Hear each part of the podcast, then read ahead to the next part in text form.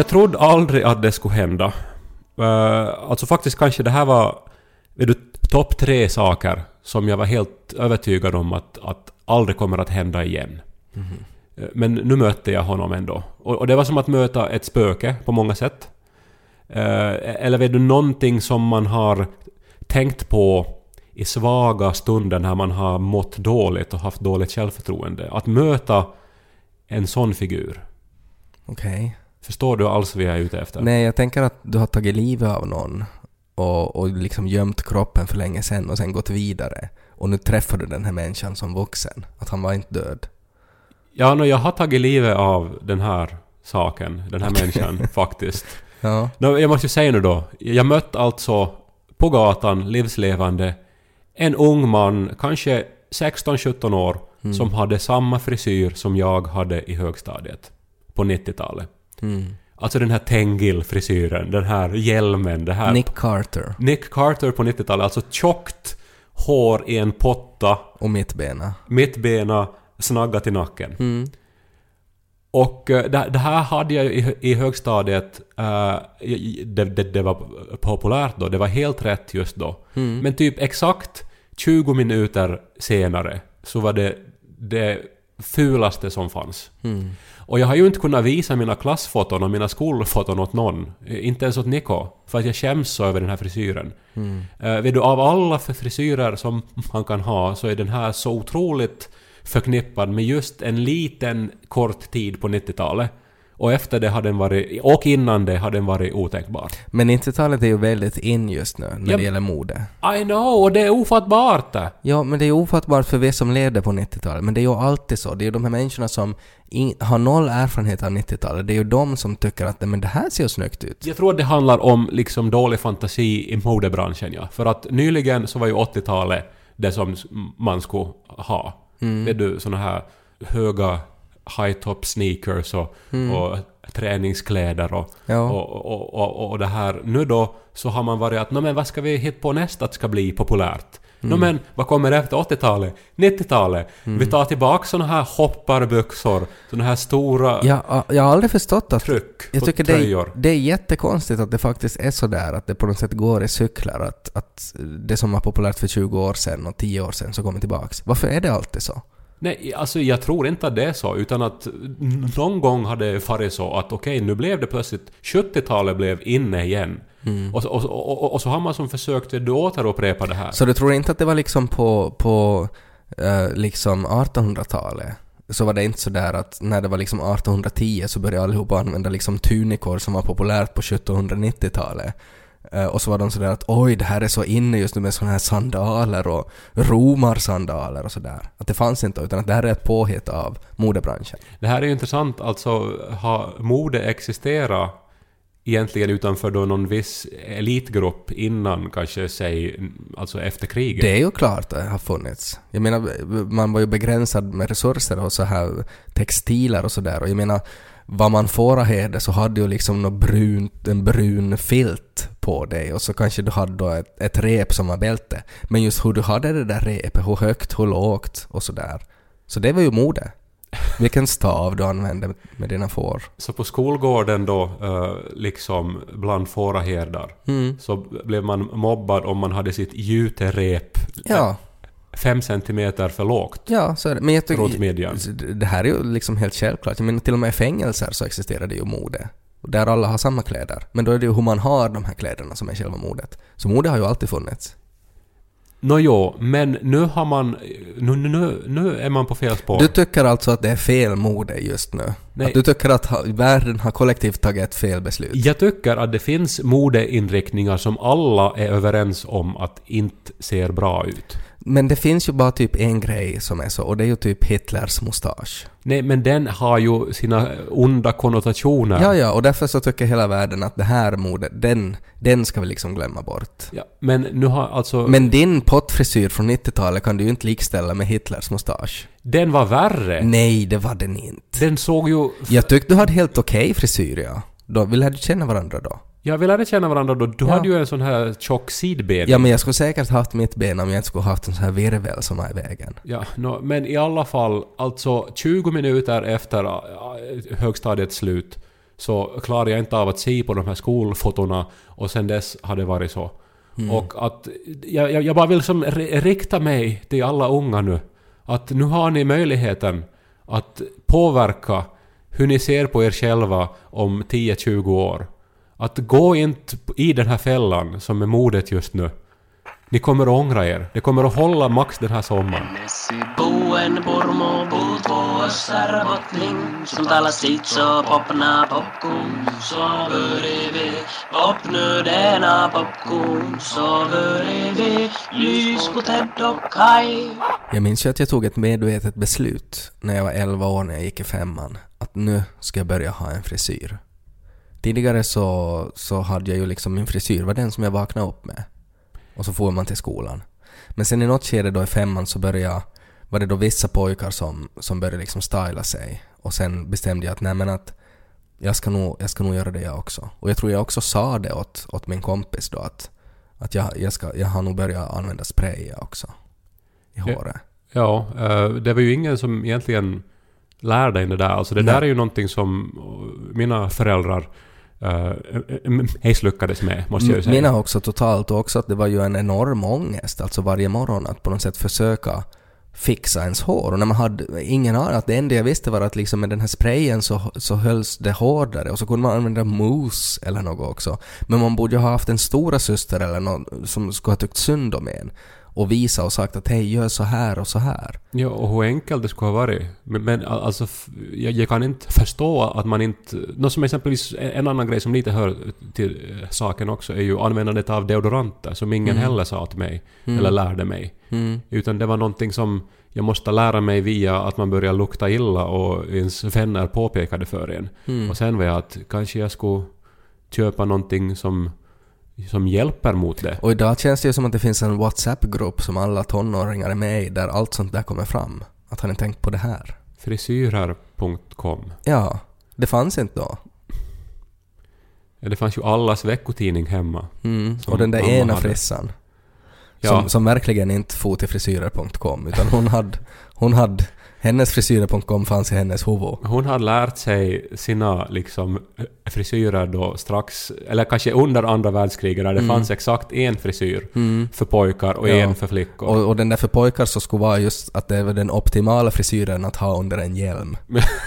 Så att det inte skulle täcka något när ryssarna kommer.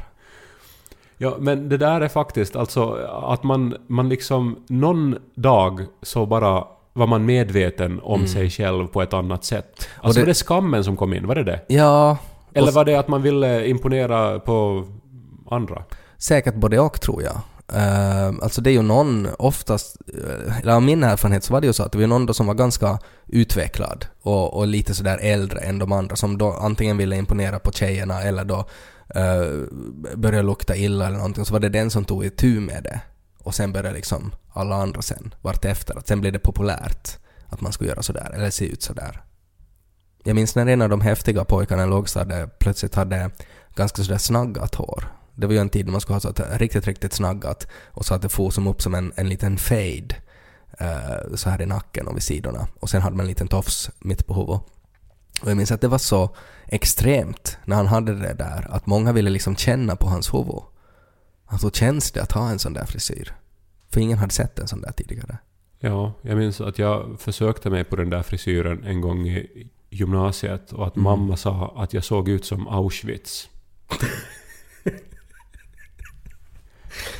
Men, eh, men hon var ju väldigt ärlig. Hon var ju också dödligt sårad alltså. Och Ja, jag menar förstås.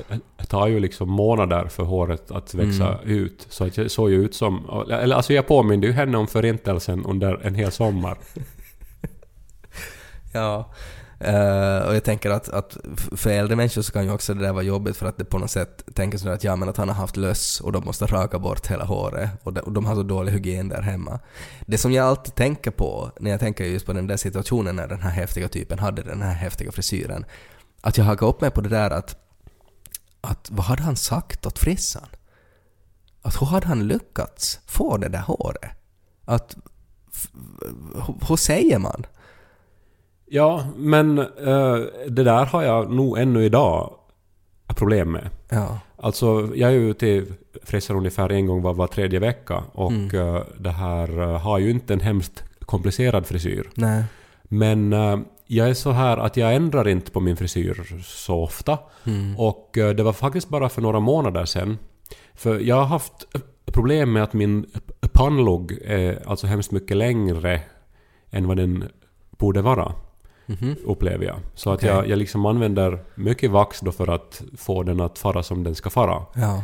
Och... eh, Hur ska den fara då? Nå, lite så här, jag drar den ofta uppåt, bakåt och lite till höger. Okej. Eh, och eh, sen så eh, föreslog min frissa åt mig en gång då, för ba- bara några månader sedan att, att, att vad om vi skulle klippa den lite kortare, den här pannluggen? Mm.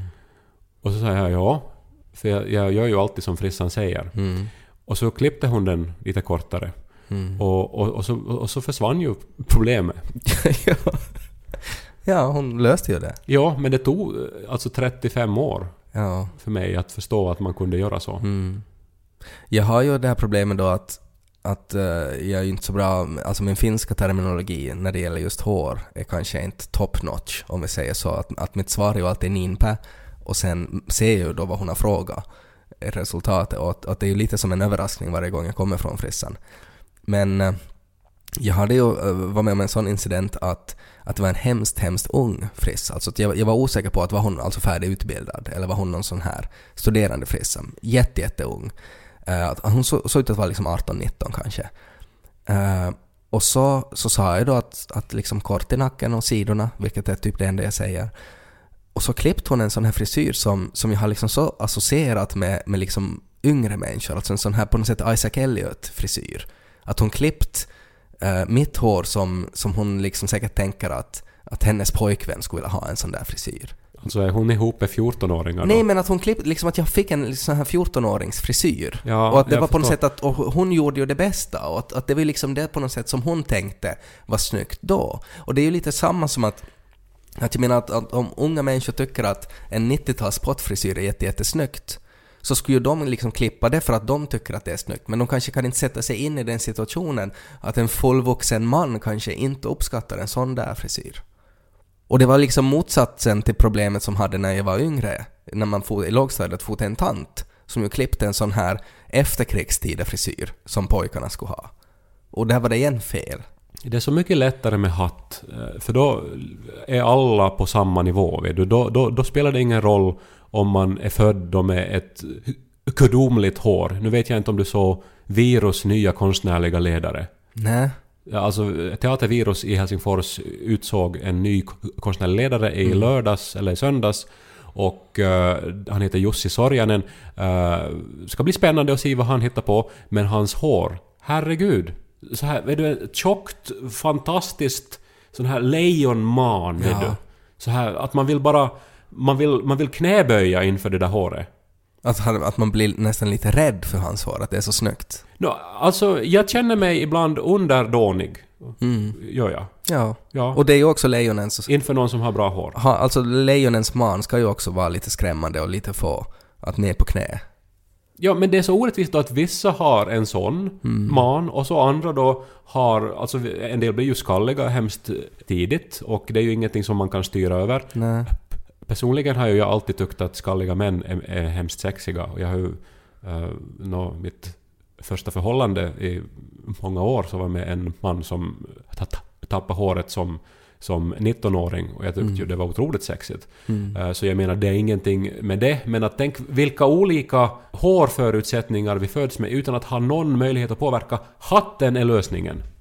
Hatten är jämställdhets... Då, det är ju, alltså, om man bär hatt så då är det lite sådär att man vet ju inte vad man får för hår.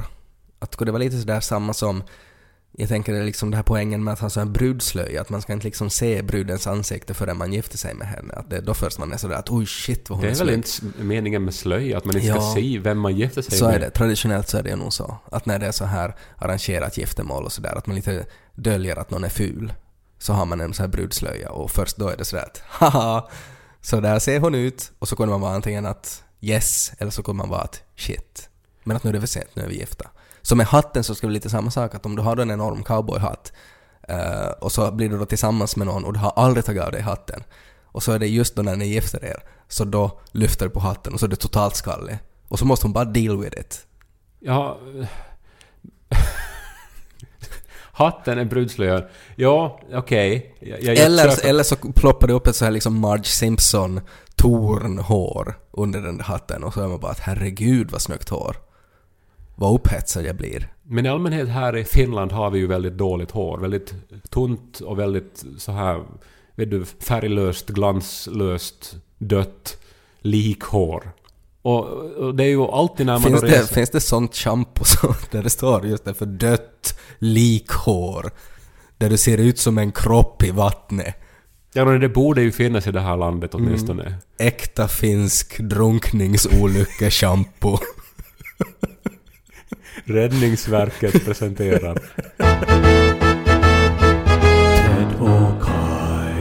Men jag har alltid tyckt att det är orimligt vilken makt ens hår har på ens kropp. Alltså det är ju lite som att, eh, som att ens hår har kidnappat ens kropp. Men nu pratar du inte om hår på huvudet utan Nej, jag, kro- jag kroppsbehåring. Nej, nu pratar jag om... No, ja, man kan prata om kroppsbehåring också, men jag pratar om alltså huvudhåret. Att det är orimligt egentligen den här tiden man sätter på den här ena detaljen av ens utseende och hur det på något sätt påverkar humöret för hela dagen. Att har du, du kan ha en hur snygg outfit som helst, du kan vara, du kan vara rik, men har du fult hår den där ena dagen där det skulle vara viktigt att du har fint hår, så är allt förstört. Du kan vara rik. Hmm. Alltså att om man är Du har rik... jättemycket pengar och är otroligt rik. Och du menar att det då på något vis Nej utstrålar... men vi säger, vi säger så här, jag är en ande. Uh, och, och okej, nu är jag inte en ande för de har tre önskningar. Men om vi säger så här att jag är en magiker som kan erbjuda dig uh, en gåva. Och den här gåvan är att du ska få två miljoner euro. Men uh, grejen är att du ska alltid ha otroligt dåligt hår. Men det är ju som att vinna på Lotto i Finland det då.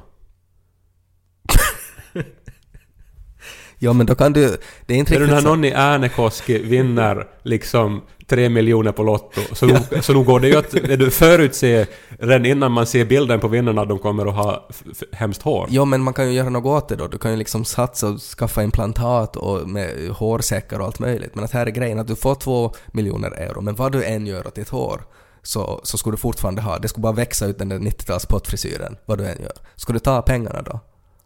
Nå, alltså, ja, för jag tycker det är Och, inte... och så ska du gå omkring med den där, som du sa var värre än Hitlers mustasch. Ja, men nej, men alltså i- nu måste man ju kunna klippa håret. Nej, alltså för det- grejen det- med nej, 90-tals grejen är- var ju det var så här långt. Ja, men nu, nu, fortfarande håller vi det här. Jag är en trollkarl. Du kan inte klippa. Klipper du bort det så växer det tillbaks så här. Ska du ta pengarna eller håret? Ja, no, men i så fall så skulle jag ju som... Nu för tiden skulle jag vilja dra det mer Nej, du kan bakåt. inte. Det går inte. Du ska Sätta kanske någon sorts brylkräm Det i går det. inte. Jag är en trollkarl. Jag har förtrollat ditt hår. I detta mycket hypotetiska scenario då, Ja, men klart det är hypotetiskt. så skulle jag ha hatt och ta pengarna. Nej, du kan inte. Du kan inte ha hatt. Det ska stritta av. Men det här är ju vad fånigt. Nej, jag vill bara att du tar bara ett beslut. Ja, okej. Två miljoner euro, ja. Jag, jag tar det och ser ut då som mig själv på högstadiet. Ska du faktiskt göra det? Ja. Okej. Nå, Då, då, då drog du ju mattan under dig med det, du sa innan, för att då var det ju inte värre än Hitlers mustasch. Nej men två miljoner euro, det betalar mitt bostadslån Ja. och resa till New Yes, York men i resten av ditt liv så ser, du, så ser du värre ut än Hitler. Nå... det var ju kanske färggrant språkbruk. Inte såg jag ju värre ut än Hitler. Men jag såg ju fånig ut. Ja, men min poäng var att jag tycker det är orimligt hur mycket vi fäster oss vid frisyren. Ja, nå det håller jag med om. Och att vi, an, vi liksom sätter ju... Det enda man gör på morgonen är att man försöker få bukt på sitt Men hår. nu försöker du ju göra allmänt någonting som jag tror att är en väldigt också... Och nu är jag ju fördomsfull och generaliserar. Men man blir ju mer medveten om sitt utseende när man går ut på gatan på ett ställe där det finns tusentals andra människor överallt där. Att när jag podde i Essie så då kammade jag ju mig aldrig när jag for ut. Eller jag ändrade ju- Alltså jag hade ju alltid på mig samma SEIK-byxor. Alltså varje dag i kanske 20 år av mitt liv var det de enda byxor jag hade. Ja. För man... brydde sig inte om det då. Nej, Eller jag, kl- jag gjorde inte. Nej, klart att det är Men olika. här i stan så är det en, en annan sak. Att jag, för att man är hela tiden iakttagen av så många så man Ja, vill men- inte se risig ut. Nej men jag tänker samma sak när man gick i lågstadiet och högstadiet. Nu ville man ju också där, fast man var i Pedersöre, så nu vill man ju också där se snygg ut. Och där satt, satt man också orimligt mycket tid och krav på sitt ja, hår. no, jag gjorde ju inte det. Men att... Nej men eh, kanske något skede då? När du flyttade till Åbo och började studera? Nej, ja, då satt vi hemma och bandade sketcher och såg på Lost och åt chips. Nå idag då? Sätter du orimligt mycket tid på Ja, hår? men nu har jag bara ett ganska kort hår som är Ja. ganska low maintenance. Fast jag klipper mig en gång var tredje vecka, vilket ju må- många skulle runka på näsan åt. Jag minns att Hemma i jag, Essie. att jag hade en sån här fantasi, alltså när jag gick i lågstadiet, när jag tyckte det var så jobbigt att hur jag än försökte så fick jag inte det här håret att bli till någonting. Så tänkte jag att, att jag skulle kunna ha ett litet rum där jag har en massa sån här mannekänghuvuden, där det finns liksom färdigt fixade peruker. Och så skulle jag vara liksom Mark Levengood som bara drar på mig ett nytt hår och går ut. Och, och vad skönt det skulle vara. Det här är ju alltså gay Jeffrey Dahmer eh, som har teaterdrömmar i Pormo på 90-talet. Nej men bara att, att sån ångest var det, att så där jobbigt var det. Att när, när, när det inte blev till någonting. Men varför sa du aldrig något av det här? Vi var ju vänner då, vi umgicks ju jättemycket. Jag visste inte att du satt Nej men jag och- visste inte att du, var, ångest. att du var gay och kunde hjälpa mig med min frisyr. Nej, jag kunde inte. Jag Nej, var totalt att det här, inkompetent. det här var i och för sig, det här var redan, det här var i lågstadiet när det var som värst. När, jag, när det bara inte blev till någonting. Och sen lite i högstadiet också. Men sen gav jag ju upp, sen insåg jag ju att, att, eh, att nu är det vad det är. Och jag kan inte göra något åt det. Och då lättar det ju förstås. Ju snabbare man accepterar hur man ser ut så desto bättre blir det ju. Men att det var ju problem. Men det fanns så många saker som skulle kunna lindra det här. Vax. Frisyrer.com Ja, och liksom, nu vet jag att det finns sån här saltspray. Det är ju som det enklaste som finns. Lite saltvatten i håret. Mm. Låt det torka. Så är håret mycket enklare att få se bra Ja, ut. men det fanns inga produkter när vi var unga. Nej men det var ju som vid i Estland, då när man blev fri från Sovjetunionen och började få in produkter från västländerna, så var man ju så ivrig så man gjorde ju reklamfilmer för allting. Jag för så här väldigt vanliga, normala saker. Ja, som... Jag, jag minns en sån här som handlar om hönsmalet kött. Om du hittar den så skulle vi kunna lyssna på den. kana, kana, kana, hakkliha, kana, kana, kana, hakkliha, kana, kana, kana, hakkliha, Men så kana. där var det. Ja, man var så här ivrig över hönsmalet kött.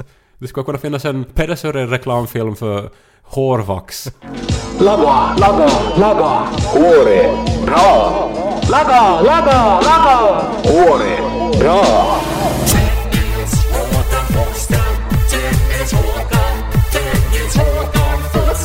Märker du hur smutsiga mina händer är? Och hur jag har ärr? Och så här. Ja, för det håller på att rempa. Jag har renoverat köket väldigt intensivt. Alltså morgon till kväll. Mycket jobb för Ja. ett litet sketet rum. Och det är Ja. inte färdigt ännu. Nej. Men eh, inom den här veckan så kommer det att vara färdigt. Jag har ju följt med på som är. Ja, nå alltså... eh, Jag är ju också bara barnsligt stolt förstås. För Mm. att jag har till exempel nu då För det här är, det är så sällan som du faktiskt jobbar. Ja. Jag har lagt ett golv. Det har jag aldrig gjort förr. Alltså kakel, klinker. Ja. Och... Som eh, ett alltså pussel 0 till 3 år kanske. Hör du? Nu, alltså det här är ju ett gammalt hus från 30-talet. Väggarna är inte raka. De, de, de, de far lite hit och dit. Och att då få till ett eh, geometriskt mönster på det så Mm. att det ser... Så att det är rakt och så att det har rätt vinklar. Ja. Väldigt svårt det. Ja, men det är ungefär som att lägga ett pussel där du får skära bitarna så de passar. Nej. Det är ju, det är ju ännu lättare. Det är som att hitta på ett pussel som ska passa i en ram. Så är det. Och, men eh, alltså det är väldigt terapeutiskt och det blev helt bra tror jag. Ännu har jag inte vågat gå på det dock, så jag, nu vågar jag inte ännu säga att det har blivit bra. Men det ser bra ut just nu i alla fall. Men man eh, som författare så, så arbetar man ju hela tiden med texten och jag har ju nu då haft eh, möjlighet då i och med att jag har som kunnat göra en sån här monoton aktivitet så har hjärnan fått tänka på andra saker. Eh, Jag har tänkt på mycket metaforer med köksrenovering. Okej. Så här, eh, metaforer vet vi ju vad det är. Ja. Det är som att säga att barnbarn är livets efterrätt. Ja. Det betyder ju inte att man ska äta barnbarnen. Nej, jag tror inte behöver, jag tror inte vi har några så dumma människor att de faktiskt tolkar saker bildligt och bokstavligt. Ja, men, no, men som författare jobbar man ju mycket med metaforer. Och då var det då när jag höll på med det här kolvet då, och och jag gjorde alltså ett rutmönster, ni kan hitta det här på Instagram, KIK heter jag. Och eh, då är det ju så att om man får en vinkel lite fel, så 20 plattor senare har det här lilla felet blivit helt ohanterbart. Ja, Så det ser jättehemskt ut. ja det är helt fakt. Ja, är det så här att ha barn tänkte jag då? Att man, att man gör... Man glömmer kondomen en gång. du, så, så går det också att tänka. Men jag tänker så här att om man vill du en gång eh, liksom uppmuntrar i misstag ett barn att säga ett fult ord, så är det här liksom en snöbollseffekt. Ja, så är det. Och snöbollseffekten är ju väldigt konkret när det gäller barn. Ja, Alltså bokstavligen så kan det ju leda till, till snöbollar också. Att man säger att det är helt okej att kasta bollar. Som vi har sagt när han slänger liksom studentbetyg och saker. Så säger vi att det där får du inte slänga, men bollen får du kasta. Så sen blir det ju till snöbollar och det får du ju inte kasta. Och då är det ju, då är ju fast. ni har otydliga regler tycker jag snarast. men det är ganska svårt att ha tydliga regler. Ja, okej, men en ganska bra metafor alltså. Det här. En annan grej, när vi skulle ha ut vårt gamla kök så hade vi en sån här bänk i sten. Alltså som, som då hade varit där i huset länge. Den, Ja. den, den var fin, eh, men lite sliten här och där. Och så ville vi ha en bänk i trä. Och så skulle vi ju eh, helt enkelt göra ett nytt kök. Ja, Så vi skulle ha ut den. ja. Jag har aldrig varit med om någonting så tungt. Och nu är ju inte jag alltså ett mu- muskelberg, men Nej. ändå har jag ju pu- purit tunga saker i mitt liv. Ja. Men det här var som på en annan nivå. Ja men om det var liksom sten alltigenom. Jo, och liksom två meter lång och liksom tjock det här. Var det så att den hade liksom ramlat från rymden den där och, och fallit dit och så bestämde de sig att de, vi bygger ett höghus kring den här. För att den här får vi inte flyttat. Möjligen så kändes det i alla fall när vi då skulle ha ner den för trappan. Och, Mm. vi, och vi var tre personer och vi såg allihopa på varandra efter en meter att vad, vad är det här? Alltså det, det, det här har vi inte upplevt förr. Mm. Nej. Alltså när någonting är så tungt att man, man märker att ja, jag orkar inte. Kan det ha varit någon sån här masspsykos då att ni var liksom jätteklena? Eller någonting? Den inte inte vi, eh, som sagt, vi tränar inte aktivt, vi är Nej. inte eh, jättestarka, men ändå är det inte ofta i livet som man stöter på någonting som man faktiskt inte klarar av att bära, för att ofta så bär man inte sådana saker. Nej. Men nu fanns det ju inget alternativ, vi skulle ha ut det här. Ja, ja, det måste ut. Ja. Eh, är det så att ha barn? Tänkte jag. Att när man har gett för mycket mat åt dem, och man är bara så här att jag orkar inte bära hem det. Nej men att man ser på varann och är så här att vad är det här? Det här kommer vi ju inte klara av. Det här Mm. går inte. Och så har man aldrig upplevt en sån maktlöshet Jag skulle för. säga det är, nog, det är nästan dagligen. Och det börjar ju direkt på BB. När det är sådär att nu har det kommit något i blöjan och vad de, hade sköterskorna tänkt att vi skulle fixa det här? ja, så är det. Så en ganska bra metafor det också då. Ja, det, alltså jag skulle säga att använda barn som liknelse här så är ju ganska tacksamt. För att man, det finns alltid något man kan få in i. Ja.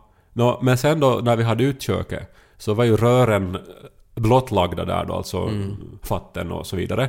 Och eh, avloppet då eh, är liksom, alltså från köksvasken är liksom öppet. Och då hörs det ljud från avloppet på ett helt annat sätt än det någonsin har gjort förr. För jag antar att när det är stängt så är det på något sätt isolerat. Nu är det öppet där. Och man hör såhär ”Hjälp!” Och då är det precis som att ha barn.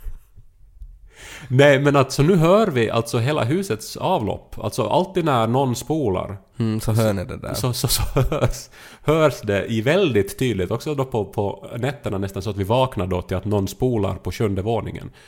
Uh, och så slog det mig, för vi är då på tredje våningen, att, att allt som spolas, allt bajs åker genom vår lägenhet. Alla människors bajs far igenom oss Ja, på sin väg ner i jorden. ja, alla som är ovanför er ja. Ja.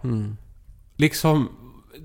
Genom vårt hem färdas främmande människors skit. Mm.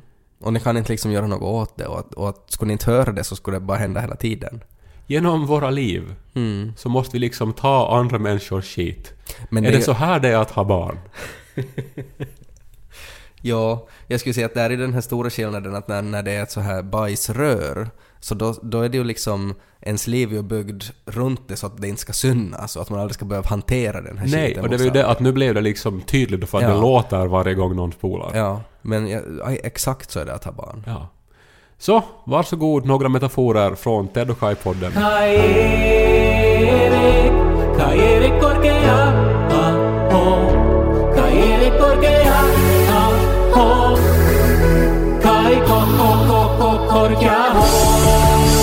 ska ju bli sommarprat i sommar tydligen. Jag läser listan här nu. Mm. Det är ju spännande namn. Det är ju alltid lite intressant när det kommer den här listan, att vad är det för människor som kommer att prata i år? Ja, och det är ju liksom en, en, en fin blandning här. Mm. Ser att han Hassan Zu- Zubier, jag vet inte hur det uttalas efternamnet, han som uh, ingrep på Åbo torg. Han ska Mm. sommarprata. Det är jätteintressant. Pekka Strang, fantastisk eh, skådis och, och det här eh, bra typ. Johanna Holmström, jättebra författare, hon ska sommarprata. Uh, Patrik Tiainen ska sommarprata. What the fuck säger jag åt det. Varför det? Varför säger du what the fuck då? Varför ska han sommarprata? Nej men han... Skulle inte han nu bara kunna hålla sig undan ett tag? Ja men... Men han, vad är, den här, vad är det här uppmärksamhetsbehovet? Det var ju också typ en vecka efter att han då liksom lä- lämnade sin kyrka och eh, sitt äktenskap och alla människor som hade lagt sina liv i hans händer och då kom ut som gay, så var han i, efter nio och pratade om det här. Mm. Skulle inte han bara kunna hålla sig undan och försöka liksom det jag reda, reda ut sitt shit innan han då ska prata om det? Men han har väl inte liksom kontaktat efter nio och, och, de som gör Ja, no, de borde ju också förstå att här, att här är ju en massa människor som har farit illa nu. Mm. Som kanske skulle måste få lite avstånd från den här människan. Som säkert har en intressant historia, förstås. Men vad då Ska han sommarprata nu liksom mindre än ett år efter att allt det här som han har styrt upp blev till ett kaos och spillror och Kanske ska han prata om något helt annat? Om hans, om hans farmor brukar sticka och sådär. Det finns ju sådana sommarprat också. Alfred ska sommarprata, det blir spännande. Läste du hans kritik mot Päivi Räsänen? Ja, Ja. var det nu riktigt på professornivå? No. Det var väl på Alfred-nivå. Han är ju, han är ju väldigt uh, frispråkig på ett ganska fräscht sätt, tycker jag. Mm. Uh, Janina Orlov, underbar människa, översättare och uh, det här uh, allmänt en av de smartaste och mest öd, ödmjuka människor Jag gillar att det här träffat. plötsligt blev till en så här liksom mini-recension av alla sommarpratare. som du känner till. Sean Bergenheim, är det någon ishockeyspelare? Ja, Vad ska han jag. prata om då? Hur man, hur man dribblar? Eller jag vet inte. Om man får riktigt hårt. Ja. Nå, oberoende, spännande lista som man hittar på svenska.yle.fi. Mm. Den här podden är ju en svenska yle-podd. Så är det. Med Ted Forsström Mm. och Kai Korkeaho. Mm. Och inte är vi perfekta heller. Nej, vi har ju inte ens perfekt hår. Bättre hade ju blivit. Ja, och nu har ju jag gjort fel i mitt liv också. Så är det. Men jag får inte en inbjudan att sommarprata om dem 20 minuter efter att det har hänt medan människor ännu gråter hemma i Kokkola. Ja. Nej, jag tycker du har en liten point där nog. Josefin Sonck, stand-up-komiker. Jag såg henne som uppvärmare till Henrik Schyffert. Mm. Otroligt rolig tjej. Och varför har jag aldrig hört talas om henne för? För hon har varit i Sverige. Varför får alla begåvade människor till Sverige? Bättre hårvårdsprodukter.